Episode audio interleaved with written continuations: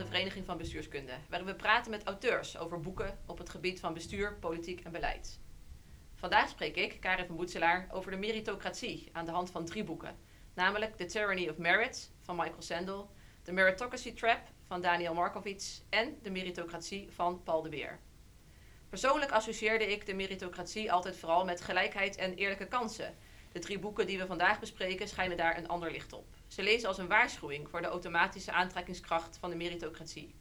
Deze boeken zijn bij mij op de radar gekomen toen ze werden genoemd tijdens een debat in de Tweede Kamer. We kennen al die vraagstukken. We hebben het debat van de eh, APB ook over gehad uh, met, uh, met Zegers, naar aanleiding van het boek The Meritocracy Trap. En een van de dingen waar we echt uitvoerig informatie over gesproken hebben, is het belang dat onderwijs juist ook daar een bijdrage aan levert. En dat, ja, dat kinderen, ongeacht waar de wieg staat, ik zeg het maar even huiselijk, allemaal de kansen hebben om uiteindelijk op hun talent en intellectueel niveau te bereiken wat ze willen bereiken. Dit was voor mij de aanleiding om de boeken te lezen en om vandaag in gesprek te gaan met Ko Daas, Paul de Beer en Stella Hof. Hartelijk welkom, alle drie. Ik zal jullie zo kort introduceren en daarna gaan we het natuurlijk uitgebreid hebben over de drie boeken.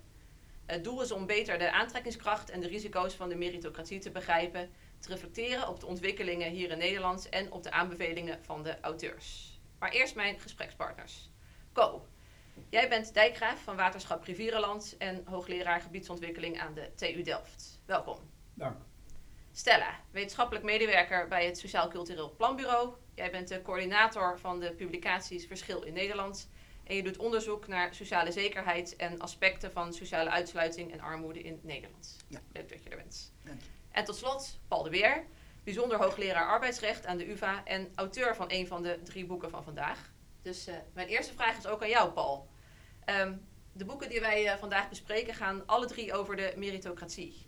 Kan jij uitleggen wat, wat de meritocratie is en waarin het, waarin het bijvoorbeeld verschilt van de aristocratie? Ja, dat wil ik wel doen. Uh, simpel gezegd is een meritocratie een samenleving waarin mensen de maatschappelijke positie krijgen die ze verdienen. Het woord meritocratie uh, bevat ook het woord merite. En dat betekent oorspronkelijk in het Latijn iets als verdiensten. Dus je komt uiteindelijk daar terecht op de positie die jij verdient op grond van je prestaties. Op grond van een combinatie, kan je zeggen, van je talenten en je inspanningen die je bereid bent te leveren. En dat betekent dus dat een ideale meritocratie um, de mensen met de meeste kwaliteiten, zou je kunnen zeggen, met de meeste verdiensten op de beste posities komen. Maar natuurlijk ook de mensen met minder kwaliteit en minder verdiensten op de laagste posities terechtkomen. Jij hebt een, eh, een, boek geschreven over de meritocratie, uh, Paul. Kan jij, uh, kan jij kort uitleggen wat jou nou heeft bewogen om hier een boek over te schrijven? Wat was daarvoor de trigger? Ja, dat weet niet eens meer helemaal zeker wat destijds de trigger was. Maar het, heeft iets te maken met het feit dat het idee van de meritocratie, zeker in de jaren 90 van de vorige eeuw en ook nog begin deze eeuw, denk ik, een heel positieve klank had. En dat heel veel, zowel onderzoekers, sociale wetenschappers als politici pleiten voor een meer meritocratische samenleving. En omdat ik zelf ooit ook het boek The Rise of Meritocracy had gelezen van Michael Young, een Engelse socioloog die al in de jaren 50 daar een boek over schreef en die ook die term bedacht heeft. En dat boek is helemaal, geeft helemaal geen positieve beeld van de meritocratie. Die laat juist zien dat de meritocratie kan leiden tot zeer hardnekkige uh, ongelijkheid en ook tot ressentiment. Uh, hij beschrijft zelfs in het boek uit 1958 de opkomst van het populisme als reactie op de meritocratie. Dus dat riep een beetje de vraag op waarom is die term meritocratie, die oorspronkelijk eigenlijk bedoeld was als een, als een, eigenlijk een soort schrikbeeld, uiteindelijk iets geworden wat heel veel mensen omhelzen, om, uh, omarmen en juist zeggen dat we nou, daar naar moeten streven. Nou, dat was eigenlijk een reden om dat hele idee van de meritocratie verder uit te diepen en een aantal collega-onderzoekers te vragen om op verschillende terreinen van bijvoorbeeld onderwijs, uh, arbeidsmarkt, uh, opvoeding, uh, politiek te vragen om hun visie op die meritocratie op papier te zetten. Dat heeft in dat boek geresulteerd. Ja, je stipt nou heel mooi eigenlijk alle thema's aan waar ik het vandaag ook met jullie even over wil, wil hebben. En, nou ja, een van de boeken die ook eigenlijk deze thema's raakt is De Tyrannie van Verdiensten van, van Michael Sandel. En Ko, jij hebt dat boek ooit uh, aangeraden aan, aan mij. En kan jij mij ook even vertellen van waarom, waarom spreekt dit boek jou zo aan? Waarom is dat iets wat jij aanraadt aan andere mensen om te lezen? Ja, het, het, het was een spiegel waar ik in keek. Uh, ik kreeg het van iemand cadeau, ongevraagd. Uh, en nou ja, dat zullen de meesten hier herkennen. Je krijgt zo af en toe eens een boek in handen gedrukt. En dit ging ik lezen en ik vraag me niet precies waarom dit wel en die andere die nog klaar liggen niet. En ik, ik raakte me er heel erg van bewust. En dat is iets wat als sluimerde in mezelf ook. Hè, van, ja, ik heb wat je kan zeggen goed geboerd. Hè, en ik kom uit een omgeving waarbij dat niet vanzelfsprekend was dat je die maatschappelijke ladder zou beklimmen. En ik ben ook zelf wel op onderdelen gaan geloven. Ja, maar dat is ook mijn verdienste. Uh, en die spiegel in dat boek was zo van, nou, is dat wel zo, hè? En, en werkt dat model nog van dat je je talenten, als je die inzet en als je die hebt, van ja, hoezo is dat dan een verdienste? Want je zou ook kunnen zeggen, je karakter is ook deels uh, uh, aangeboren natuurlijk. En wat Sandel denk ik heel mooi blootlegt, is, ja, ze hebben de mindere bijwerkingen en ook de psychologische effecten voor groepen in de samenleving ja, dat daar een consequentie aan zit. Dus ik, ik, was, ik werd me heel erg van bewust dat we misschien hiervoor een generatie hadden, waar ik dan zelf ook uh, onderdeel van ben, die inderdaad door dat principe van de meritocratie, ja, je, je benut je talent, je krijgt kansen en dat leidt ergens toe. En dat is, ja, wie kan, wat kan erop tegen zijn? En, en hij legt heel mooi bloot met voorbeelden, nou, dat er ook wat negatieve aspecten zijn. En dan kom je inderdaad op vraagstukken uit als populisme. En ook wel wat ik in mijn eigen familieomgeving eh, ervaar van mensen die het minder goed hebben. Ja, die, die eigenlijk ook wel heel de tijd bevestigd krijgen. Ja, dus hoe hard ik ook werk, ik heb minder talent. Dus dit is mijn plek in de samenleving en meer gaat het nooit worden. En ik heb heel vaak mezelf er ook wel op betrapt dat ik dan bij mezelf dacht van ja, ja en wat, weet je wel. Je hebt een huis, je kan op vakantie, dus wat, wat, is, wat is je vraag nou eigenlijk? Maar ja, als je daar stopt met denken, dan, ja, dan zet je mensen ook wel ergens weg in een hoek waar ze misschien niet willen zijn. Dus in die zin was het voor mij ook wel een spiegel uh, om wat verder te denken dan alleen, nou, ik heb het goed gedaan in het leven en daar heb ik ook recht op. En heeft dat voor jou dan ook, ook dit persoonlijke verhaal, ook nog consequenties gehad in de manier waarop je je dan opstelt ten opzichte van, van anderen? Of de manier waarop je in het leven staat? Ja, het leidt bij mij in ieder geval hopelijk tot wat meer mildheid. Uh, maar ook tot nadenken over, hè, ik had het laatst met vrienden ook over, uh, ja, de keuze om je kinderen wel of niet een bijles te, te, sturen. Hè? Daar begint het eigenlijk al. Niet iedereen heeft die keuze, maar je wil ook het beste voor je kind. Maar je bent je er ook heel erg van bewust. Ja, als ik in de positie ben dat ik mijn kinderen bijles kan geven, dan gaat daar al een, gaat al een verschil ontstaan, wat je vanuit het individuele perspectief heel makkelijk kan, kan, kan bilken. Van ja, je bent wel gek als je je kind niet het beste gunt en de beste uitgangspositie. Maar maatschappelijk heeft dat effecten waar ik me nu veel bewuster van ben in ieder geval. En ik vind ook dat je daar zonder meteen te normeren of te oordelen van wat goed of fout is uh, in, in, individuele keuzes, in ieder geval op moet reflecteren. Waar leidt het dan toe? En hoe zou je dat ook met elkaar kunnen doen? Maar ja, dat is een lastig gesprek. Ja. Jij noemde net ook al, en dat komt eigenlijk in, in alle drie de boeken ook terug, die aantrekkingskracht van de meritocratie ook persoonlijk op jou. En, en Markovits noemt dat het charisma van de meritocratie. Ja. Um, wat is die aantrekkingskracht nou? Hoe, hoe komt dat? Heel simpel verwoord. Uh, je hoeft geen verantwoording meer af te leggen. Want de positie die je hebt, uh, als je tenminste aan de goede kant van de streep staat, hè, als je het zo digitaal wil maken, uh, ja, die is terecht, die is legitiem. Want je hebt je talent benut en daar hoort iets bij. Um, en, en het, het, het, het, lijkt natuurlijk, hè, de, de schaduwzijde is dat mensen die daar dus niet zijn gekomen, ja, die hebben het ook aan zichzelf te danken. Dus je, het, het, het is ook een recept uh, in de kern, zeg maar, voor luiheid. Namelijk, nou, ik zit op de plek die mij toekomt en uh, that's it. Ja, Sandel noemt, die zegt, uh, succes is moreel gerechtvaardigd. En, ja. en dat, dat spreekt aan in de, in de VS zie je ook wel heel erg dat het een soort duidelijke politieke retoriek gaat worden. Dat de American Dream natuurlijk, het, het, het Yes We Can, het op eigen kracht opklimmen en dan heb je het succes ook zelf verdiend. Is dat nou ook, Paul, die politieke retoriek, zie je dat nou ook hier in, in Nederland uh, ontstaan? Is dat iets wat Ja, wat minder extreem denk ik dan in Amerika. Uh, dat blijkt ook uit onderzoeken die onder andere door Sandel ook worden aangehaald. Dat uh, Amerikanen vaker denken dat mensen die succesvol zijn, dat zijn omdat ze zo zich goed hebben ingespannen en hard hebben gewerkt. Terwijl in Europa, waaronder Nederland, mensen vaker denken dat het ook iets te maken heeft met geluk en pech. Uh, dus ik denk dat wij daar wel iets genuanceerder in staan dan Amerikanen. Dat neemt niet weg dat heel veel elementen van het meritocratische denken uh, toch ook een, een, hoofdrol spelen in, in uh, ja, het beleid in Nederland, in de visie op ongelijkheid, op, op uh, hoe je mensen moet stimuleren tot maatschappelijk succes. nou ja, noemde natuurlijk al het voorbeeld waarvan we natuurlijk weten dat er enorm een opkomst is van, van bijles, de bijlesgeneratie, ja. zo'n boek van Louise Elvers. Um, ja, dus ik, ik denk dat op allerlei terreinen, als je goed gaat kijken, je zult zien dat daar in essentie toch wel meritocratische beginselen aan de grondslag liggen.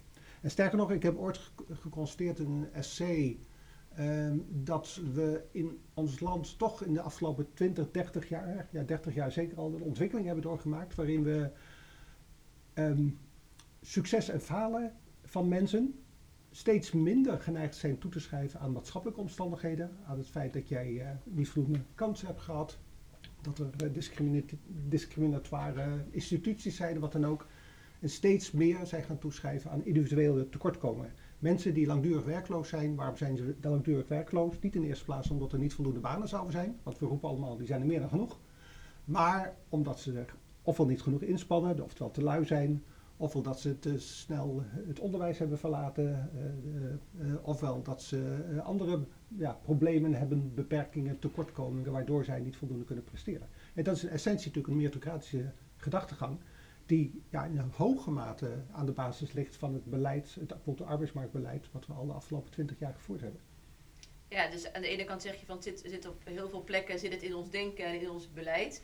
Uh, en dat komt denk ik ook voort uit, uit, uit die positieve connotatie die we bij de meritocratie hebben. Maar in deze boeken, en ook het boek wat jij geschreven hebt, uh, onder redactie hebt gedaan, Paul, daar zie je dat uh, er ook veel negatieve kanten aan zitten. en dat het ook gevolgen heeft voor de manier waarop we als samenleving functioneren. Kan je daar wat voorbeelden van noemen, van de, die negatieve gevolgen van, van dat meritocratische denken?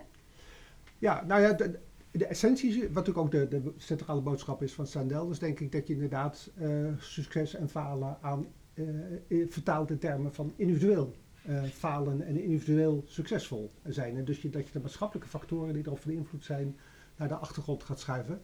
En dat is problematisch, niet alleen om, wat ik net aangaf, omdat dat in het beleid leidt tot een enorme focus op het individu en proberen mensen die achterblijven vooral een duwtje in de rug te geven en, en te, te prikkelen, te stimuleren, soms ook met sancties, om zich anders te gaan gedragen.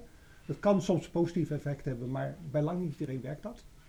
Um, maar het heeft natuurlijk ook een negatief effect, wat opnieuw door Sendel uh, uitvoerig wordt uh, beschreven, overigens ook al door Marco Jong in 1958, dat de mensen die succesvol zijn eigenlijk ook weinig inderdaad mededogen hoeven te hebben. Eigenlijk het voorbeeld waar, Cole mee begon. Uh, ja, als het je eigen succes is, uh, dan hoef je ook niet anderen daarvoor te danken. Dan hoef je ook niet te denken, wat heb ik een geluk gehad in mijn leven. Dan is het gewoon jouw eigen verdienste. En dat kan uiteindelijk inderdaad toe bijdragen dat de, ook in feite de maatschappelijke samenhang uh, verloren gaat. Omdat de bovenlaag en de onderlaag zich steeds minder met elkaar verbonden voelen. En dat kan weer bij de onderlaag weer leiden, zoals ik zelf ook al in het begin even aangaf, tot, tot ressentiment. Tot het gevoel dat je inderdaad hard werkt en toch eigenlijk als een mislukking wordt gezien. Um, en dat zou mede, uh, Sendel benadrukt het erg sterk, ik weet niet hoe of je die relatie zo sterk kunt leggen, maar dat zou inderdaad mede kunnen leiden tot, tot uh, ja, populariteit van populistische uh, partijen.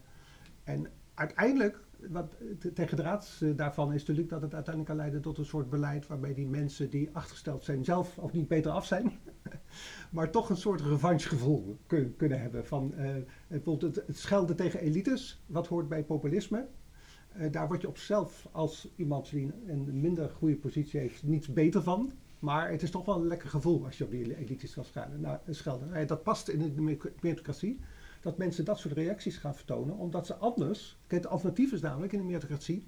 dat je voortdurend naar jezelf kijkt... en zegt, ja, ik heb het gewoon... Ik heb gefaald. Ik heb niet hard genoeg gewerkt. Ik heb niet opgelet op school.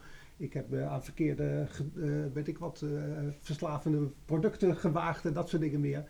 Dus dan moet je voortdurend jezelf de schuld geven. Nou, mensen doen dat niet zo graag. En dan is het prettig als je dus iemand anders tegen jou zegt, een, een politicus, van nee, het is niet jouw schuld, het is de schuld van de elites. Ja, Stella, in dat boek uh, The Meritocracy Trap wordt ook die duidelijke link gelegd tussen uh, de opkomst van uh, de meritocratie en, en, polarisatie en de opkomst van het populisme. Dus inderdaad dat mensen zonder hoge opleiding zich steeds meer gaan verzetten, ook tegen de politiek en tegen mensen die wel gestudeerd hebben. Ehm, zie je in Nederland nou ook een, een samenhang tussen opleiding en, en vertrouwen in de politiek? Ja, dat zien we absoluut. Uh, wij hebben vorig jaar een onderzoek uitgebracht waarin we hebben gekeken naar uh, de hulpbronnen die mensen hebben.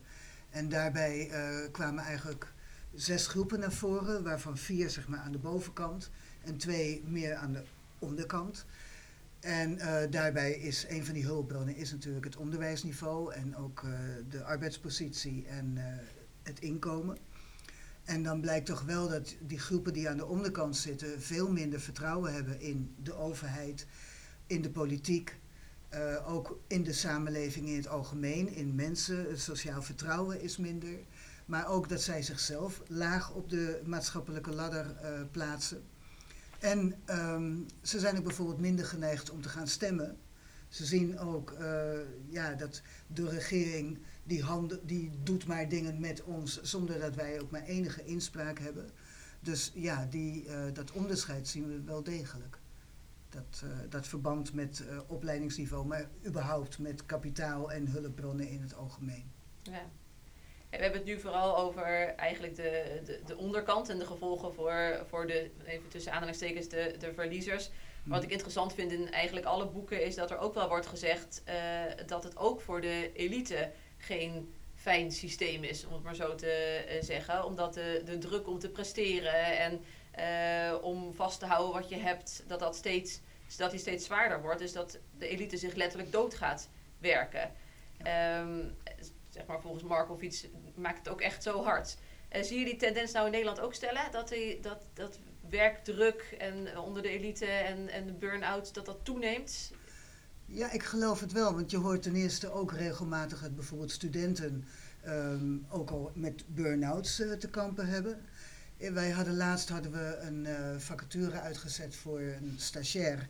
En daar kwamen ruim 40 brieven op binnen. En toen viel mij dus echt op dat een gewoon bijbaantje naast je studie, dat is eigenlijk niet meer van toepassing.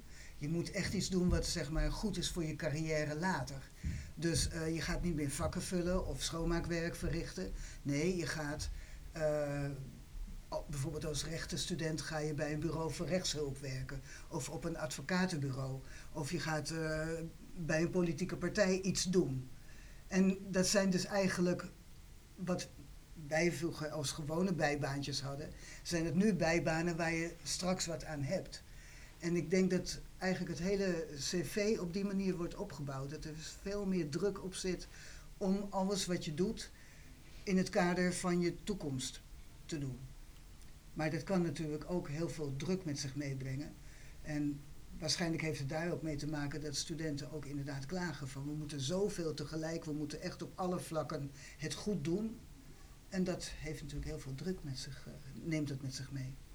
Mag ik daar eens op aanvullen? Ja, ik denk dat het ook een rol speelt dat. Um, het, kijk, voor deel zijn we natuurlijk een heel eind opgeschoven in de richting van een meritocratie. We zijn zeker geen perfecte meritocratie. Um, maar je ziet dat natuurlijk vooral in het, in het onderwijs, uh, uh, waar je ziet dat, dat uh, wat, nou ja, Ko gaf het ook in het begin aan, de kinderen uit de arbeidersklasse hebben in de jaren 60 en 70 een goede kans gekregen om op te klimmen naar het, onderwijs. Waardoor veel mensen die nu hoog opgeleid zijn, uh, vooral wat ouderen, ouders hadden die eigenlijk uit de lagere klasse kwamen. Maar dat proces is langzamerhand uitgesorteerd. En nu zijn er natuurlijk zoveel mensen die een hogere opleiding hebben, dat een hogere opleiding die een halve eeuw geleden een garantie was voor succes, nu geen garantie biedt voor succes. Omdat er ontzettend veel concurrentie is van andere hoogopgeleiden. Dus dat betekent als je hoog opgeleid bent, dat je nog iets extra's moet doen om te laten zien dat jij beter bent dan de anderen. Want een element wat vind ik in de, ja, eigenlijk alle boeken over meritocratie misschien wat onderbelicht blijft, is dat het ook in toenemende mate gaat om je relatieve positie. Uh, kijk, als gewoon een hoge opleiding voldoende was om voor een goede maatschappelijke positie, nou, dan was de situatie nu veel beter dan een halve eeuw geleden, omdat we veel meer hoger opgeleid hebben. Maar dat is dus niet meer zo. Een hogere opleiding, academische titel, uh, biedt geen garantie meer voor succes. Uh, en je moet vooral zorgen dat jij je kunt onderscheiden van anderen. Dus binnen de groep mensen met een, een, een, een masterstitel bijvoorbeeld, is natuurlijk toenemende concurrentie om te laten zien dat jij net iets meer hebt. Dus je moet inderdaad of een tweede masteropleiding doen, of je moet een tijdje aan een buitenlandse universiteit gestudeerd hebben, of inderdaad aantrekkelijke uh, stages en, en vrijwilligerswerk hebben gedaan. Um, En uiteindelijk is het, die relatieve positie zo belangrijk dat mensen eigenlijk vooral bezig zijn om te zorgen dat ze in ieder geval niet achterblijven bij anderen. En het probleem natuurlijk als, als iedereen dat probeert te doen, dat is het bekende voorbeeld wat ooit gegeven werd in een heel ander verband. Van als iedereen in een stadion het beter wil gaan zien, wat er op het speelveld gebeurt, en dus gaat staan, dan ziet nog steeds niemand beter dan aan het begin. Maar wel iedereen is gaan staan. En dat doet ze hier eigenlijk ook voor. Iedereen moet steeds harder lopen. En toch zal gemiddeld genomen de positie van mensen niet kunnen veranderen. Omdat er nog eenmaal maar ja, uh, één hiërarchie uh, kan zijn. En ik denk dat heel veel ehm, inderdaad mensen met een wat hogere opleiding daardoor zich ook steeds meer gestrest voelen. En steeds meer het gevoel hebben dat ze eigenlijk ja, gewoon niet aan de prestaties kunnen voldoen waar ze eigenlijk aan zouden willen doen. Omdat er altijd anderen zijn die beter zijn. Nou, het, het, is heel herkenbaar. Ik, ik weet nog ook dat voordat ik in deze functie zat als, als consultant adviseur een tijdje gewerkt. En dat vrienden wel zeiden, joh, waarom ga je niet dat gewoon drie dagen in de week doen? Dan heb je ook genoeg. Maar ja, ik, ik zal hier niet over mijn klanten uitweiden. Uh, ja, weet je, dat was geen optie. Als die belden op vakantie en zeiden we, ja, we willen toch even dat je naar iets kijkt. En, en dan, hè, dus het was de keus, hè, dat was ook een soort ja, spiraal omhoog, zeg maar. Je kan niet zeggen, ja, over drie dagen ben ik er weer. En dat hoor je dan van heel veel mensen. Hè, dat je, je, ja, je wordt eigenlijk opgebrand als je niet op tijd zelf ook die, die grens trekt. En dat is heel moeilijk uit te leggen aan mensen die meer routinematig in hun baan zitten. Ja, maar dit, dit kun je niet zeggen, joh, ik doe er drie dagen en vier dagen ben ik vrij. Zo werkt het niet. En het is geen klacht, hè, begrijp me absoluut niet verkeerd. Het was heel luxe. Maar ik heb op een gegeven moment ook wel bewust besloten van, ik wil uit dat systeem van tegen elkaar opbieden om aan die top van dat piramidetje te kunnen blijven. En, en nou, ik ga dit ook zeker lezen, dat boek van Markovic. Ik denk dat je dat ook een beetje beschrijft. Je moet wel mee of je stapt ernaast. En dan zitten wij nog in de positie dat je die keuze kan maken. Maar ik denk dat heel veel jongeren nu zoiets hebben van ja, dat, die ervaren dat misschien niet meer als een keuze, omdat de norm is, je doet mee. Anders dan verlies je je relatieve Ja. positie. Ja. Ja. Dat is ook interessant in, eh, in, in deze boeken is ook dat de meritocratie afgezet wordt tegen de aristocratie. En dat er ook wordt geschetst van die aristocratie was eigenlijk als, als samenleving veel stabieler. Omdat eh, eh, de, de elite had bezit en dat werd doorgegeven. En dat bleef. En terwijl nu bij de meritocratie is je human capital is eigenlijk je, je bezit. En daar moet je constant werken en in investeren om dat op een bepaald niveau te houden. En ook om te zorgen dat de generaties na jou dat niveau bereiken. Dus die druk bouwt zich dus steeds op. Dus dat is eigenlijk wat er Ja, nu ook geschetst wordt. Maar eh. ik, daar zou ik toch wel een kanttekening bij Ja, willen plaatsen. Ehm, ik vind namelijk, uh, Donald Markovic, weet ik ook niet, maar Stendhal vind ik dat hij het belang van erfelijkheid eh, onderbelicht. Terwijl dat in het oorspronkelijk boek van Marco Jong juist een hele belangrijke rol speelt. Namelijk het idee dat, eh, en, daar kan je, je kan lang en breed discussiëren over de vraag of het genetische erfelijkheid is of sociale erfelijkheid, maar uiteindelijk doet dat niet zo toe. De kansen die mensen in het leven hebben, zowel in termen van hun eh, talenten, intelligentie, of hoe je het ook wil meten, maar waarschijnlijk ook wel voor in termen van hoe ze zich kunnen inspannen, wordt in hoge mate bepaald door waar je bed heeft gestaan, waar je wieg heeft gestaan. Ehm, dus je ziet het juist in een perfecte meritocratie, waar eh, talenten van mensen in hoge mate erfelijk zijn. Nogmaals, het zij genetisch, het zij door je opvoeding, door de gelegenheid die je gekregen hebt om bijles te krijgen en al dit soort dingen meer. Zie je dat die ongelijkheid en de kansen toch in hoge mate van generatie op generatie worden overgedragen. En je zou zelfs kunnen volhouden, ik meen dat, dat Michael Jong dat ook doet, dat in een perfecte meritocratie eigenlijk dus de klassen nog duurzamer, nog hardnekkiger zijn dan in een aristocratie. Omdat in een aristocratie waren er toch altijd wel wat mensen die konden opklimmen naar de hogere standen. Nou, nu is het natuurlijk geen perfecte meritocratie in de zin dat het volledig van generatie op generatie wordt overgedragen. Maar er zijn wel degelijk tendensen dat dat het geval is. En dat blijkt eh, daaruit natuurlijk ook- ook uit onderzoek van jullie, het Sociaal Cultureel Planbureau. Blijkt natuurlijk ook vaak dat er wel degelijk een grote samenhang is. eh, niet, zeker niet perfect, want er is gelukkig sociale mobiliteit, maar toch wel een sterke samenhang tussen waar je wieg heeft gestaan en jouw kans in het leven. En daarmee ontstaat er eigenlijk in de meritocratie toch een soort nieuwe klasse samenleving die misschien zelfs hardnekkiger zou kunnen zijn dan de aristocratie, omdat die meer gerechtvaardigd lijkt. Omdat degenen die tot de hoge klasse behoren, die kunnen dat in een meritocratie kunnen dat rechtvaardigen. Want zij presteren gewoon het meeste. En in een aristocratie moet je het alleen ontlenen aan het feit dat je toevallig van adel bent. En, en is, is dat onderzocht? Hè? Want dat, ik, ik, ik heb, nou, denk 30 jaar terug al zo een keer een artikel en dat is me al bijgebleven van, ik meen Theo Bekkers van Tilburg gelezen. Ik weet niet of jullie de naam iets Ja, zegt. Maar die, omdat jij net zei, we zijn uitgesorteerd. Die zei ook, we zijn uitgeëmancipeerd in termen van, als je, hè, de, eh, eh, vooral na de Tweede Wereldoorlog en die, en die wederopbouw en, en de welvaartsontwikkeling in de jaren 60, 70. Ja, er zijn heel veel mensen met, hè, uit zeg- maar arbeidsklassen die wel het talent of de intelligentie hadden, hebben die mogelijkheid gekregen. En die zijn nu op die positie. En het vanzelfsprekende van een, elke nieuwe generatie krijgt een betere plek op die maatschappelijke ladder. Ja, die fase hebben we nu gehad. En daarmee is het ook een soort gestold maatschappelijk beeld. Maar ik was Ja. benieuwd. Ja, misschien Stella, kan jij daar iets Ja, over zeggen? Over er is er onderzoek naar gedaan. Ja. Nou, er is wel onderzoek gedaan naar sociale mobiliteit. En inderdaad, eh, in een bepaalde fase was het inderdaad zo dat eh, ook de mensen die uit armere gezinnen kwamen of uit middeninkomens, toch wel een later generatie, ik ben er trouwens zelf zo eentje, ehm, hoger opgeleid raakten dan hun ouders en zeker dan hun voorouders. Maar dat is op een gegeven moment inderdaad gaan ophouden. En ook merk je dat eh, de taalvaardigheid en de leesvaardigheid gewoon aan het verminderen is. Dat, dat blijkt ook uit onderzoek in Nederland. En dat is natuurlijk eigenlijk doodzonde, maar eh, ja, zo werkt het. Op een gegeven moment kan je ook niet veel hoger meer, behalve als je dan naar het buitenland gaat of nog inderdaad allerlei extra's gaat doen. Het houdt een keertje op natuurlijk, dat is logisch. Ehm, wat wij zelf wel he- hebben gemerkt eh, als in ons armoedeonderzoek. We hebben op een gegeven moment eh, onderzoek gedaan naar mensen die dus als kind in een arm gezin opgroeiden. En gekeken in hoeverre die later als volwassenen zelf arm waren. En toen bleek dat de kans om als volwassene nog steeds of opnieuw arm te zijn, was wel twee keer zo groot als van kinderen die niet in een arm gezin zijn opgegroeid. Alleen die kans is op zich nog steeds laag, hè, gelukkig maar. Eh, van de kinderen die arm in een arm gezin opgroeiden, was 7% arm als volwassenen. En bij de niet-arme kinderen was dat 4%. Dus het valt mee, maar de kans dat je arm blijft of opnieuw arm wordt, is wel een stuk groter. Betekent dan de meritocratie per definitie ongelijkheid? Paul, kan je daar iets over zeggen? Ehm, haast wel, ja. Maar wat een belangrijke kanttekening is, de omvang van de ongelijkheid is niet bepaald. En dat is denk ik een van de problemen ook met de, hoe de meritocratie zich, of de meritocratisering zich de afgelopen decennia heeft eh, ja, ontplooid in, in heel veel landen. In Amerika weer het meest extreem, maar ook in, in Nederland. Is dat terwijl ehm, mensen steeds meer beoordeeld werden op grond van diploma's, van talenten en dergelijke meer, ook de beloningsverschillen zijn toegenomen. Terwijl dat op zich niet moet. Kijk, het kan best dat iemand met een hoge opleiding die zich hard inspant de beste positie krijgt.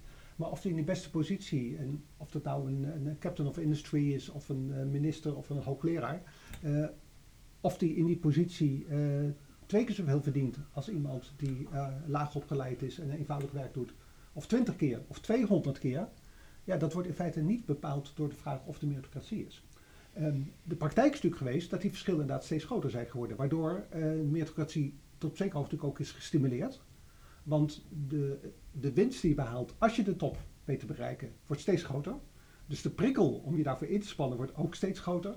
Maar dat had niet per se gemoeten. Het had ook gekund dat eh, de verhouding tussen de top en eh, de, de mensen aan de onderkant ja, niet was toegenomen. En dan was ook, waar de gevolgen denk ik ook minder ernstig geweest. Want hoewel beloning zeker niet het enige of misschien zelfs niet het belangrijkste is waar mensen bijvoorbeeld zelf eh, respect en waardering aan ontlenen. Toch, als je weet dat iemand eh, ja, die in een top van het bedrijfsleven werkt, eh, in, in een week evenveel verdient als jij in een jaar, dan is dat toch wel iets anders dan wanneer die bijvoorbeeld in, eh, in drie maanden evenveel verdient als jij in, in een jaar. Dan, dat laatste is denk ik toch makkelijk te accepteren en dan heb je minder het gevoel dat jij echt een achterblijver bent. En ik denk dat we dat niet moeten vergeten, eh, dat we ook als we de meritocratie eh, zouden handhaven, en ik, bedoel, er zit ook veel goede kant aan de meritocratie, ik bedoel, dat mensen verdienen wat ze verdienen, in letterlijke zin, eh, is op zichzelf natuurlijk best een goede zaak. Ehm, maar dat hoeft dus niet per se zo ontzettend veel eh, te zijn. Dus als we gewoon de inkomensverschillen zouden kunnen beperken en tegelijkertijd het idee van de meritocratie zou niet wezenlijk veranderen, dan zou het wel draaglijker zijn. Dan zou de meritocratie minder schrijnende ongelijkheid met zich meebrengen dan nu het geval is. En dan focus je heel erg op eh, verdiensten in economische Ja, zin. ja. Hè? Ik, ik merk, maar dat is natuurlijk dat is geen wetenschappelijk eh, onderzoek, hè, maar gewoon uit eigen waarneming, dat ook de, de- het, zeg maar, het psy- psychologische, emotionele, dat dat ook heel erg onderschat wordt. Wat het doet met mensen als je misschien ook onbewust het gevoel hebt van ja, meer zit er ook niet in voor mij. Hè? Dus geen perspectief of potentie ziet om, hoe hard je ook werkt, nog progressie te boeken in je, in je leven. En ik, het is mijn vakgebied niet, hè, maar daar, daar, daar denk ik ook wel eens van, onderschatten we niet hoe, hoe relevant dat is in hoe mensen zich ook voelen in de samenleving en hoe ze naar de rest van de samenleving kijken. Dat ze Maar de- zichzelf, ja. Maar dan bij mij wel de vraag, waarom is dat nu meer een probleem dan vroeger? Kijk, als je, vroeger als je de zoon was van een eh, bakker, dan werd je, de kans was groot dat je zelf ook bakker werd. En dan bleef je gewoon je hele leven bakker. En ik heb niet het gevoel dat dat mensen het gevoel gaf, ik ben niet, ik tel niet mee. Of ik, maak geen, ik heb geen loopbaan. Ze hadden gewoon een goede baan waar ze eh, zelfrespect aan, eh, aan ontleenden. Wat ook in feite maatschappelijk gewaardeerd werd. Dus het, mobiliteit op zichzelf, tijdens je loopbaan, hoeft volgens mij niet een voorwaarde te zijn om het gevoel te hebben dat je waardevol werk doet en dat je gerespecteerd wordt. Oh, nee, maar ik, ik, zo, zo gestold zal het ook niet zijn. Maar ik ehm, ervaar zelf in mijn eigen omgeving ehm, dat, dat zeg maar het, het weten hoe anderen het hebben. Hè? Dat was dus, dus ook het, wat, wat heb je van kennis, inzichten in hoe anderen hun leven leven. En, en, en hoe ze wonen en werken en wat ze aan boodschappen kunnen doen. Hè? Even heel plat een keer in de supermarkt een stukje scharrelvlees. En zei iemand, ja, die ik niet kende, maar blijkbaar wist wie ik was. Ja, jij kan hem makkelijk betalen. Dus ik bedoel, er zitten, er zitten emoties onder die veel verder gaan van, ja, we moeten zorgen dat die inkomensverdeling misschien een beetje Mhm. eh, eh, eh, hanteerbaar is en invoelbaar. Ehm, en, en misschien ook wel dat de zoon van de bakker 50 jaar terug ook misschien sneller accepteerde dat dat een heel fatsoenlijk eh, leven en bestaan was. En dat jongeren van nu dat misschien toch anders willen. Ik weet het niet, hè. Maar het, het houdt me wel bezig in ieder geval. Ja, in, de, ik- in in deze boeken wordt ook wel gesproken over het feit dat we tegenwoordig eigenlijk veel inclusiever zijn wat betreft eh, ras en, en, en gender. Maar dat er eigenlijk sprake is van een nieuw soort discriminatie. En dat noemen ze dan credentialisme. Dus discriminatie in de vorm van eh, richting mensen die niet gestudeerd hebben. Of discriminatie van, van ongewaardeerd werk. Ehm, is, is dat soort waarderingscrisis wordt er over gesproken? Is dat waar, is dat waar je op doelt, eh, Nou, nou, dat is weer een andere dimensie. Maar eh, ja, ik hoor wel eens mensen in, in mijn eigen eh, omgeving zeggen dat ze zich eigenlijk een, een inwisselbare arbeidskracht voelen. Hè? Dus de waardering voor het ambacht of wat ze ook aan functie hebben in het leven. Eh, in, een, in een systeem, in een complexiteit met heel veel prikkels en informatie, wat natuurlijk 50 jaar terug van een totaal andere orde was. Dat dat mensen wel letterlijk ontregelt en de existentiële vraag stelt. eh, eh, letterlijk, hè, van ja, ik ben dus gewoon inwisselbaar. En dat ik dan ook wel moet bedenken van ja, ergens is dat ook zo. Hè? Dus dat, ja, dat, dat doet iets met de psyche van mensen volgens mij. En dat raakt hier ook aan. Ja. Stella, jullie noemen het in het onderzoek verschillende in het, het precariaat, als ik het, eh, als ik het goed heb. Is dat... Ja, ik vind dat zelf geen, na- geen prettige woord, eerlijk gezegd. Want het klinkt zo, het klinkt zo negatief. Ja, nou ja. Maar het komt uit eh, de Engelse literatuur en het heeft meer iets te maken met precair. Dus eh, ja, kwetsbaar, weinig hulpbronnen hebben. Ik wou trouwens nog heel eventjes ingaan op wat er daarnet werd gezegd. Wij hebben ook eh, vorig jaar een onderzoek naar buiten gebracht waarin het ging om ehm, schooltypes, schoolniveaus, in hoeverre dat met elkaar samengaat. En dan blijkt bijvoorbeeld dat met name het VMBO, dus MAVO en lager, ehm, vaak letterlijk apart wordt gezet.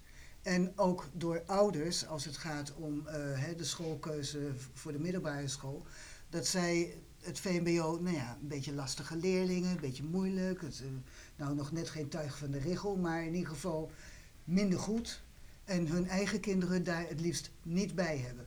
En dat gaat natuurlijk tot die tweedeling leiden. Want de schoolbesturen gaan erin mee, want die willen hun leerlingen niet kwijt. Die gaan dus inderdaad die VMBO's apart houden, of liefst zelfs helemaal niet. Eh, dan gaan ze liever een categorale VWO of technasium of wat dan ook eh, doen. Dat zijn dus ook vaak de witte scholen. En nou, er was vorig jaar of eer vorig jaar, ik weet niet meer, was er dat programma Klassen. Dat is een documentaire reeks. En dan zag je inderdaad dat je had van die scholen met eigenlijk bijna alleen maar witte leerlingen. Die gingen allemaal naar HAVO of VWO. En dan had je de gewone school, een brede school. En daar zaten relatief veel leerlingen die naar het VMBO gingen. Of misschien de MAVO, maar in ieder geval niet naar het gymnasium over het algemeen. En dan merk je dus dat het gewoon al in het systeem zit, maar ook in wensen van ouders. Hoe dat dan gaat. Dat ze misschien wel met de mond iets zeggen van ja, nee, iedereen is gelijk. Maar ik wil mijn eigen kind toch liever naar een VWO hebben dan naar het VMBO. En dat Ja. is. Het is Ja. interessant dat je dat zegt, want in die mer- meritocracy trap wordt dus ook wel geschetst eigenlijk dat een, een oplossing zou zijn dat de, dat de elite ook mee moet gaan werken aan het ontmantelen, letterlijk schrijft hij, van de, van de meritocratie. Omdat zij zelf ook geschaad worden door dat doodwerken. Maar eh, ik vraag me wel af, van hoe reëel is dat nou? Want dat is natuurlijk de vraag, ga je op individueel niveau dus je kind dan niet naar bijles sturen of eh, eh, nou ja, extra kansen inkopen, zeg maar? Ja, ik begrijp heel goed dat, dat iedere ouder inderdaad het beste voor zijn of haar kind wil. En dus voor die bijlessen gaat. Maar je zou ook kunnen zeggen, als het via de school gaat, hebben alle kinderen een kans om bijlessen te gaan volgen. En dat kan door studenten worden georganiseerd, bijvoorbeeld. Dat gebeurt ook trouwens. Dus ehm, je kunt niet helemaal voorkomen dat ouders het toch zelf gaan betalen en privébijles eh gaan regelen voor hun kind. Maar misschien dat je het vanuit een school kan organiseren en dat dan niet alleen maar de kinderen die toch al betere kansen hebben eh, die bijlessen nemen, maar ook de kinderen die het moeilijker hebben of die met een achterstand überhaupt op school komen. Dat is ook bekend. Dat kinderen die in armoede opgroeien eigenlijk al vanaf het begin een achterstand hebben. Ik geloof zelfs dat al vanaf een paar maanden dat ze in leven zijn, een, een achterstand het opbouwen zijn. Dus ja, dat kan heel moeilijk ingelopen worden. Terwijl als je dan vanuit de school dingen organiseert, kan je het misschien toch wel een beetje weer inlopen. Je ziet natuurlijk wel in de actualiteit dat het rondom ongelijkheid ook snel over het onderwijs gaat. Dus inderdaad, wat doen we met private bijlessen? Moeten er brede brugklassen komen? En dan wordt onderwijs ook wel de, de grote gelijkmaker genoemd. Wat ik interessant vind in deze boeken, dat onderwijs ook wel gepresenteerd wordt als een systeem dat juist tot ongelijkheid leidt. En dan, Sendel noemt het de grote sorteermachine. Eh, Paul, kun jij daar eens op reflecteren Ja. hoe jij dat ziet? Ja, dat lijkt me een terechte constatering. Ik denk, ehm, ik heb zelf wel gezegd, eh, onderwijs is wel een succesvolle emancipatiemachine. Dat, duidelijk zijn we natuurlijk gezien bij, bij meisjes, bij vrouwen, die in een relatief korte tijd van enkele decennia hun enorme achterstand in het onderwijs eh, volledig hebben ingehaald en zelfs een voorsprong hebben eh, genomen. En tot op zekere hoogte, er is een onderzoek gedaan naar de loopbaan van kinderen met een eh, niet-westerse migratieachtergrond versus autochtone kinderen. Eh, met een vergelijkbare sociaal-economische achtergrond. Dus de ouders waren vergelijkbaar qua eh, eh, opleidingsniveau en, en inkomen. En dan blijkt dat die ehm, eh, Nederlandse kinderen, autochtone kinderen, geen vooruitgang boeken. ehm, maar die allochtone kinderen wel. Omdat daar nog veel verborgen talent is wat kan worden blootgelegd. Dus ook denk ik, ben ik best optimistisch over de kansen van kinderen met een migratieachtergrond. Omdat het onderwijs daar wel degelijk voor kan spelen. Maar tegelijkertijd is het doel van het onderwijs in zekere zin inderdaad ook om te sorteren, om te selecteren. Ehm, het, is- ja, de bedoeling is dat je talenten van mensen verder ontwikkelt. En het lijkt me onvermijdelijk dat eh, kinderen met meer talenten dus ook zich verder kunnen ontwikkelen dan kinderen met weinig talenten. En je wil juist in het onderwijs dat in zekere zin blootleggen. Dat is ook de reden natuurlijk waarom we, weliswaar niet in het basisonderwijs, maar daarna verschillende niveaus onderscheiden. En eh, ja, je kan wel die nive- die niveaus weghalen en kiezen voor alleen maar een soort middenschool of een eh, high school zoals in Amerika. Maar het is natuurlijk een illusie om te denken dat er daar binnen dan geen verschillen meer zouden eh, ontstaan. En, die, en werkgevers of vervolgopleidingen willen dat natuurlijk toch weten, want die willen daarop kunnen selecteren. Maar zolang het onderwijs bedoeld is als voorfase voor de arbeidsmarkt, en dan eenmaal op de arbeidsmarkt behoefte is om te kunnen differentiëren naar, naar kwaliteiten, talenten en dat soort dingen meer, zal het onderwijs ook eh, onderscheid blijven maken. Dus het idee dat je het onderwijs als een eh, ja, eh, mechanisme kan gebruiken om meer gelijkheid te creëren, daar heb ik grote twijfels over. En het zorgelijke is dat dat wel nog steeds met hele grote regelmaat wordt gezet. En het, probleem wat zich daarbij voordoet, dat men dan vooral spreekt over gelijke kansen. En je kunt inderdaad, en dan sterker nog, je moet streven naar gelijke kansen in de zin dat kinderen met gelijke talenten die uit verschillende sociale milieus komen, dezelfde kansen hebben in het onderwijs. En het zou heel goed zijn als we daar beter in zouden slagen. Maar dan ga je nog steeds uit van kinderen met gelijke talenten. En het is natuurlijk, ja, het spijt me, maar het is natuurlijk helaas niet waar dat iedereen gelijke talenten heeft. En die verschillen in talenten, die zullen denk ik onvermijdelijk door het onderwijs worden uitvergroot. Dus het is goed dat we via het onderwijs streven naar meer gelijke kansen. Maar we moeten nooit de illusie hebben dat we daarmee de nadelen van de meritocratische samenleving voldoende kunnen compenseren. Vraagt dat nou ook iets in de manier waarop wij met het onderwijs omgaan? Nou, in ieder geval moet het duidelijk zijn. Het, uh, ik geloof dat Sandel ook ergens, ik weet niet wie, wie die aanhaalde, maar ik geloof een Amerikaanse president die, uh, nee, ik geloof, of misschien was het wel uh, Tony Blair of zo, die gezegd heeft van, die noemde een hele reeks maatschappelijke problemen en de oplossing van al die problemen is het onderwijs. Nou, dat herken ik enorm, want ook dat hoor je in Nederland ook, vind ik opvallend vaak, dat als er ergens een maatschappelijk probleem is, dat er altijd zeggen, uiteindelijk moeten we de oplossing zoeken in het onderwijs. Dat biedt de enige structurele oplossing. En dat is denk ik gewoon een miskenning. Uh, het onderwijs kan soms voor een deel bijdragen aan het oplossen van problemen, aan het verminderen van achterstanden, aan het emanciperen, zoals ik aangeef. Uh, dat kan zeker. Maar het zal nooit alle problemen kunnen oplossen. Je zult ook na het onderwijs, naar mijn idee, moeten blijven corrigeren. Je zult ook mensen die met minder talent en dus met een lager opleidingsniveau de arbeidsmarkt betreden, zul je moeten zorgen dat die kansen hebben op, op uh, goed werk, op goed betaald werk, op werk waar de, uh, mensen ook waardering voor hebben. Um, en ook al de andere maatschappelijke sferen denk ik dat je moet blijven uh, corrigeren. Het is een illusie dat je met alleen gelijke kansen uiteindelijk een samenleving kunt creëren waarin uh, die enorme verschillen die je in de meritocratie hebt zijn weggenomen. We maken nu eigenlijk bijna een soort van automatische brug naar, naar wat zouden beleidsmakers nou moeten met deze boeken, als ze dit gelezen hebben. Van wat zijn nou tips waar je, als je met beleid bezig bent, waar je wat aan hebt. Ko, heb jij, als je dit gelezen hebt, uh, nou, dingen waarvan je denkt van oplossingen die genoemd worden door, door de auteur, waar je denkt van die zijn interessant, daar moeten we ook in Nederland wat mee?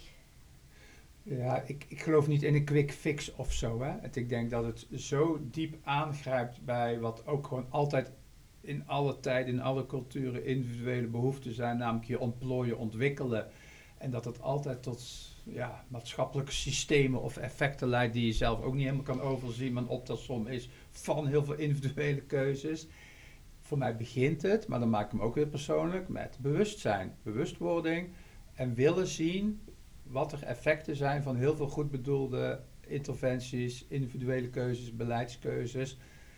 Uh, en misschien moet je ook maar eens dan gaan praten over ja, wat voor type samenleving is nou het ideaalbeeld. Hè? En dat ook niet, dat, dat kan nooit een gestold beeld zijn, maar wat voor waarden, opvattingen, normen ja, willen we dan leidend laten zijn? En, en, en erkennen, want dat, dat is ook wel een soort taboe geworden, dat mensen gewoon verschillende kwaliteiten en talenten en intelligentie hebben.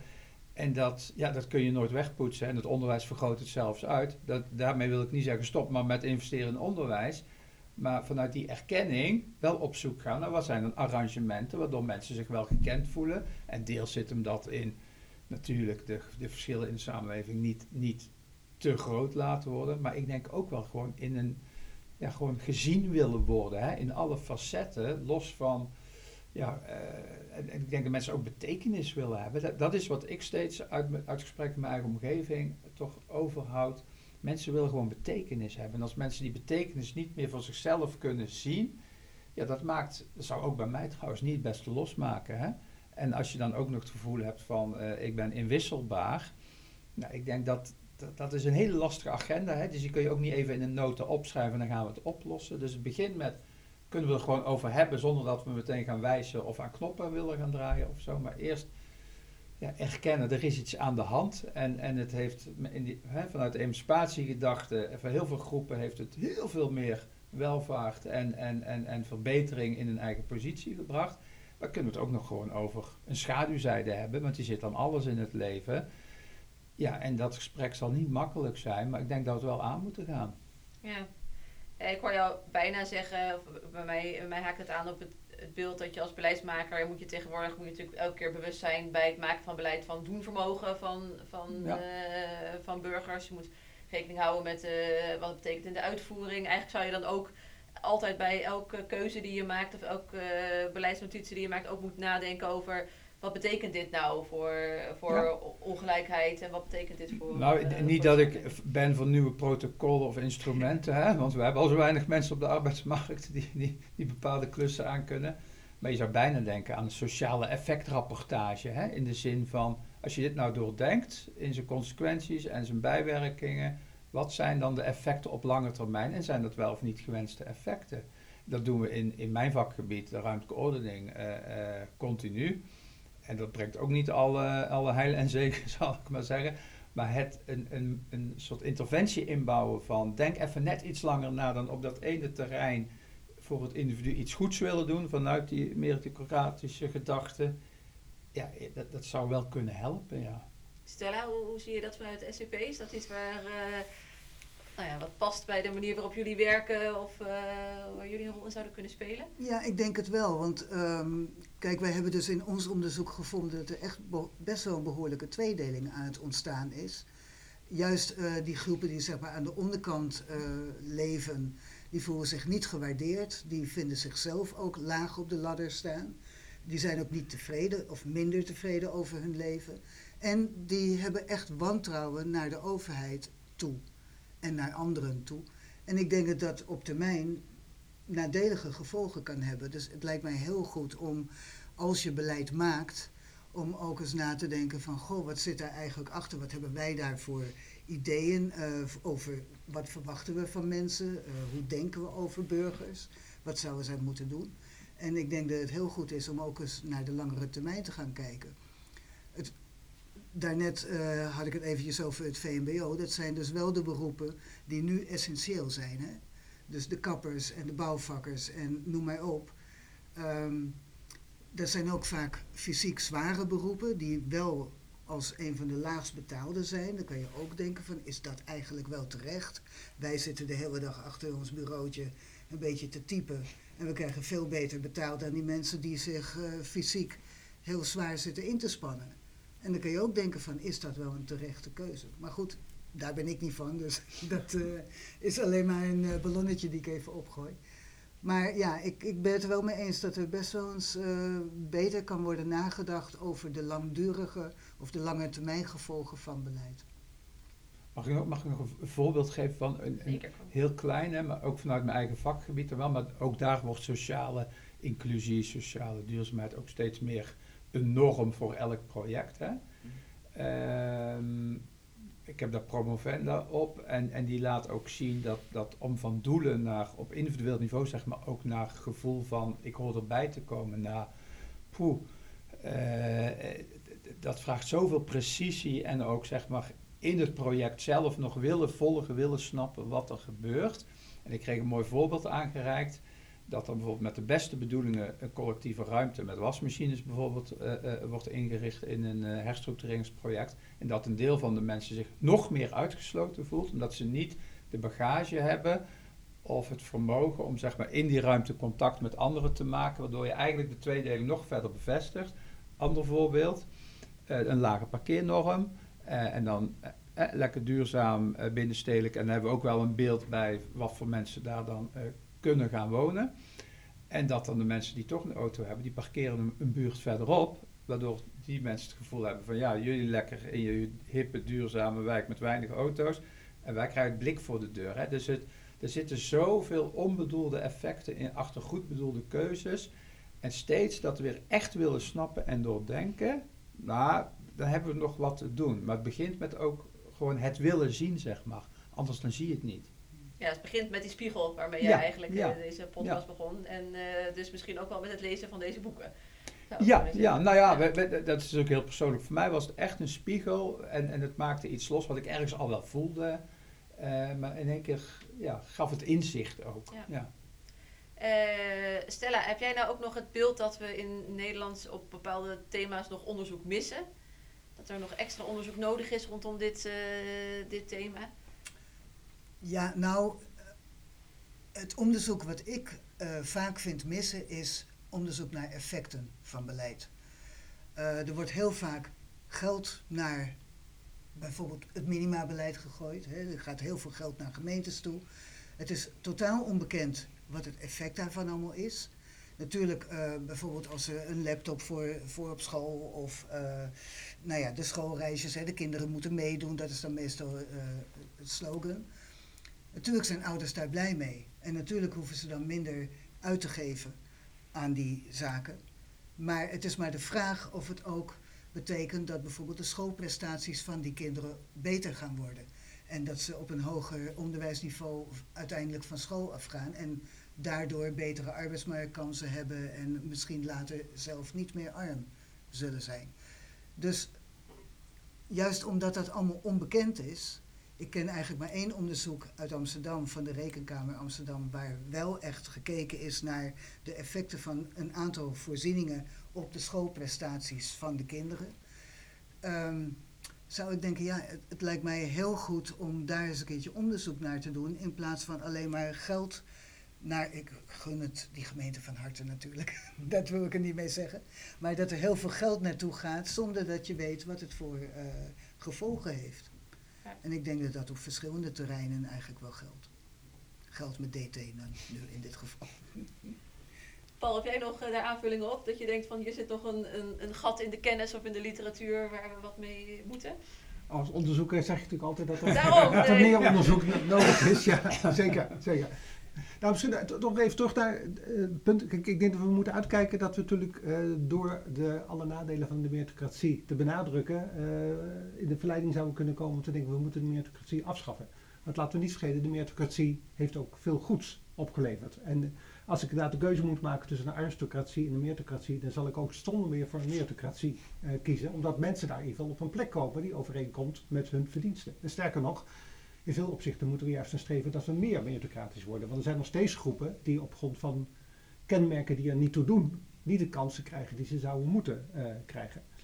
Um, dus je moet denk ik niet zozeer het hele idee van de meritocratie uh, afschaffen of daar afscheid van willen nemen. Je moet vooral kijken hoe je de ongewenste uh, gevolgen kunt, denk ik, vaak compenseren. Voorkomen lukt misschien niet helemaal, maar wel compenseren. Daar heb ik al eerder genoemd. Ik denk de de beloningsverschillen die bij meritocratie horen, dat ligt niet vast. Dus die zou je eigenlijk aanzienlijk kunnen reduceren. Uh, eigenlijk zover dat er mensen die uh, langer doorleren en uh, hogere posities willen krijgen, nog net voldoende beloning daarvoor krijgen om het voor hen aantrekkelijk te maken. Nou, volgens mij is daar niet zoveel voor nodig, want als je een goede opleiding hebt, krijg je vaak ook veel aantrekkelijker werk. Dus waarom moet je ook per se ook nog beter beloond worden? Jij gaf Stella eigenlijk ook al het voorbeeld. Waarom, waarom moeten wij als academici nou per se meer verdienen, terwijl we ook al vaak leuker werk hebben dan mensen die lager opgeleid zijn. Dus daar kan je volgens mij enorm reductie in de inkomensverschillen teweeg brengen. Leidt dat ook, dat is eigenlijk een beetje het punt wat Konen heeft, uh, heeft gesteld, uiteindelijk ook toe dat die mensen met lagere uh, functies, die lager opgeleid zijn, ook meer zelfrespect, zelfwaardering krijgen. En ook dat ze meer gewaardeerd wordt, worden door anderen. Niet automatisch, denk ik. Um, maar het kan er misschien toch wel een beetje bij helpen. Ik denk dat de, de maatschappelijke waardering toch voor een zekere zin ook wel een afspiegeling is van de verschillen in beloning. En dat we toch wel een zekere neiging hebben om mensen die weinig verdienen te denken, nou die zullen dus ook wel weinig presteren. Nou ja, als die verschillen kleiner worden, zou dat misschien toch iets minder uh, kunnen worden. En ik denk, eh, daarmee kun je twee vliegen in één klap staan. Want hoe verklein je die inkomensverschillen? Nou ja, ik, het is natuurlijk een sterk politiek getinte opvatting die ik nu ga, verkondigen. Ik denk dat je dat vooral moet doen door hogere inkomens zwaar te belasten. Veel zwaarder te belasten dan nu het geval is. Uh, altijd aardig om te memoreren dat in de jaren 60 in Amerika het toptarief van de inkomstenbelasting boven de 90% uh, lag. Dus van iedere dollar die een rijk iemand extra verdiende, moest hij meer dan 90 cent uh, afstaan aan belastingen. En in een periode dat de economie in Amerika groeide als kool. Um, dus blijkbaar hoeft dat helemaal niet zulke negatieve effecten te hebben als vaak door economen beweerd wordt. Maar het grote voordeel is, met het extra geld zou je volgens mij vooral allerlei publieke voorzieningen moeten creëren, waar juist ook de lagere inkomensgroepen en de lager opgeleiden meer van profiteren. Als we constateren dat in de meritocratie de samenleving een beetje uit elkaar dreigt te vallen omdat de hoogopgeleiden en de succesvolle weinig mededogen meer hebben met de minder succesvolle. En de minder succesvolle de elite vooral zien als de boosdoener die hen niet voldoende kansen biedt.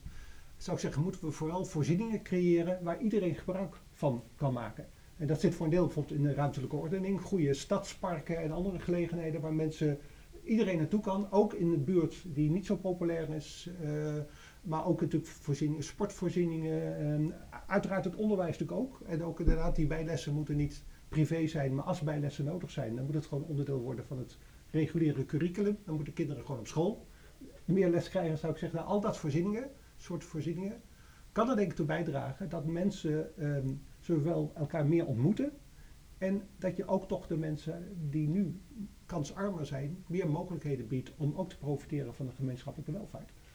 En ik hoop dat je daarmee toch ook een deel in ieder geval van die misschien onvermijdelijk negatieve gevolgen van de meritocratie kunt, uh, kunt verzachten. het is wel mooi dat, uh, dat de, de, boeken lezen als een waarschuwing voor de meritocratie. En dat jij nu eigenlijk een waarschuwing bij de waarschuwing geeft. Dus ja. dat niet, uh, niet te negatief op, te, op te vatten. Um, Misschien nog even een, een, een, laatste rondje. Ik ben nog wel benieuwd of jullie um, ook nog tips hebben aan, aan luisteraars om nou ja, rondom dit onderwerp nog meer te lezen of te bekijken of te doen. Als je hier nog meer over wilt weten, uh, wat je dan uh, aan zou raden. Dus Stella, mag ik met jou beginnen? Nou, afgezien van ons eigen onderzoek, ja, Verschil in Nederland natuurlijk. Um, ik zou bijvoorbeeld willen aanraden een boek van uh, Warhurst en Nixon over uh, esthetisch uh, kapitaal. Waaruit blijkt dat, dat ook aantrekkelijkheid, het uiterlijk, ook een steeds belangrijker selectiecriterium wordt, aan het worden is. dat is een boek. Ik vind ook de boeken van de Raad voor Volksgezondheid en Samenleving over sociaal-economische verschillen, vind ik ook interessant zelf interessant, bijvoorbeeld een boek met portretten van mensen die eigenlijk al jarenlang in bestaansonzekerheid leven. En als laatste zou ik ook nog van de SER het boek over armoede onder werkenden uh, willen aanraden. Want daaruit blijkt niet alleen dat het een heel diverse groep is, die werkende armen, maar ook dat het systeem hun eigenlijk tegenwerkt en demotiverend, een demotiverende werking heeft. En dat komt uit dat advies van de SER ook heel goed naar voren. Dankjewel. Ja. Paul, jij nog tips? Ja, ik zal uiteraard ook mijn eigen boek niet gaan, aanprijzen. Alles is natuurlijk altijd goed om het te lezen. en ik zou eigenlijk net vooral willen aanraden om het, uh, het oorspronkelijke boek van Michael Jong, 1958, nog eens een keertje te gaan lezen. Uh, ja.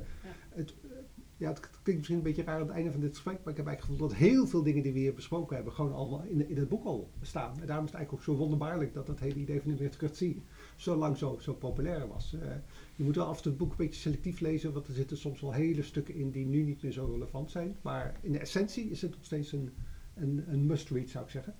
Daarnaast iets heel anders, maar uh, een boek wat op mij veel indruk heeft gemaakt is een boek van uh, Robert Frank en Philip Cook uit 1996, denk ik dat het was of zo. De, de Winner Take All Society. Nou, de titel zegt het al een beetje. Het, is, het gaat niet zozeer over meritocratie, maar het laat vooral zien hoe we steeds meer in een red race terechtgekomen zijn waarin mensen vooral moeten zorgen dat ze beter presteren dan de anderen om uiteindelijk de top te bereiken. En dan word je ook zeer rijkelijk uh, beloond. En zij beschrijven heel goed hoe dat uh, mede verklaart waarom de inkomensverschillen steeds groter zijn geworden. Maar ook welke perfecte effecten daar allemaal van uit kunnen gaan. Want op een gegeven moment iedereen bezig lijkt te zijn om de top te bereiken. We weten dat maar een paar mensen dat kunnen bereiken. En al die andere mensen die daar wel mee bezig zijn, eigenlijk hun talent een beetje verspillen aan een hoop dat ze iets ooit zullen gaan bereiken wat ze feitelijk niet kunnen bereiken omdat er te veel concurrentie is. Dank. Go. Ja, uh, ik heb misschien een beetje atypische uh, tips. Uh, ik heb het boek nog niet uit, maar waar ik nu in bezig ben is van Marianne Mazzucato Moonshot. En waarom noem ik dat? Omdat we, uh, en daar heb ik zelf ook last van, heel snel weer inzoomen en wat moet je nou regelen. En, en terecht ook, dat je zegt, er zitten ook hele positieve kanten aan, dus wat instrumenteel. Maar wat zij heel mooi beschrijft is dat de nieuwe fase waarin we misschien als samenleving weer inkomen van behoefte aan is, hoe je dat denken in privaat publiek en wie doet nu wat en hoe orden je dat doorbreekt. En eigenlijk zegt Moonshot, we hebben weer een gezamenlijke missie nodig. Hè? Dus wat, en dat inspireert mij wel weer om na te denken, als je nou aan onze samenleving en dat is een soort utopisch idee natuurlijk zou vragen, wat is nu onze missie voor de komende decennia? Hè? Ja, ik denk dat heel veel mensen je dan heel gek aankijken. En, en zo'n metafoor van we willen naar de maan. Ja, weet je, dat heeft wel een heel volk een tijdje gebonden. En in ieder geval, en dat is natuurlijk geromantiseerd. En toch denk ik wel eens van, nou, misschien is het wel tijd voor zo'n dialoog weer met elkaar. Ja, wat is nou, waar willen we nou heen met elkaar? En eh, het tweede, maar dat is gewoon omdat ik daar... Eh, eh, zelf altijd dingen uit al, is, zijn de boeken van David Van in dit geval. Ik weet niet of, iemand eh, het iets zegt, dat is Amerikaanse schrijver. Maar hij beschrijft eh, eh, juist niet wetenschappelijk, maar als gewoon een romanschrijver, hoe mensen die zich uitgesloten voelen, wat dat kan losmaken aan, ook aan agressie en gedrag, wat we minder prettig vinden. En ik vind dat ook iets wat je soms eerder uit gewoon een roman kan halen dan uit, met alle respect, een studie van een collega-onderzoeker of een planbureau. Dus nou ja, dat, dat, dat zou ik ook willen meegeven. Eh, het heeft mij in ieder geval eh, eh, geholpen om ook te snappen, te willen snappen waarom doen soms mensen dingen waarvan je zegt, ja, dat willen we toch niet met elkaar. En dat echt willen snappen, dat kan ons ook verder brengen, zonder dat je het antwoord al weet. Dank. Volgens mij een mooie afsluiter. We willen naar de maan en we moeten het beter gaan snappen. Dus eh, nou ja, volgens mij zijn we aan het eind gekomen van, eh, van deze podcast. Ik hoop eh, met een, een beter beeld van de aantrekkingskracht en de risico's van de meritocratie en de risico's daar weer van. Heel veel thema's aangestipt vandaag. Volgens mij is er nog veel meer stof om nog veel langer over door te praten en over door te lezen. Dus doe dat vooral. We zullen de titels ook even op de website zetten. Dan is het makkelijk om, om terug te zoeken. En eh, dan eh, wil ik jullie heel hartelijk eh, bedanken voor, voor deze podcast. Hij verschijnt op de website van de Vereniging van Bestuurskunde. Dit was VB Boeken, de podcast van de Vereniging van Bestuurskunde. Dank voor het luisteren en tot de volgende.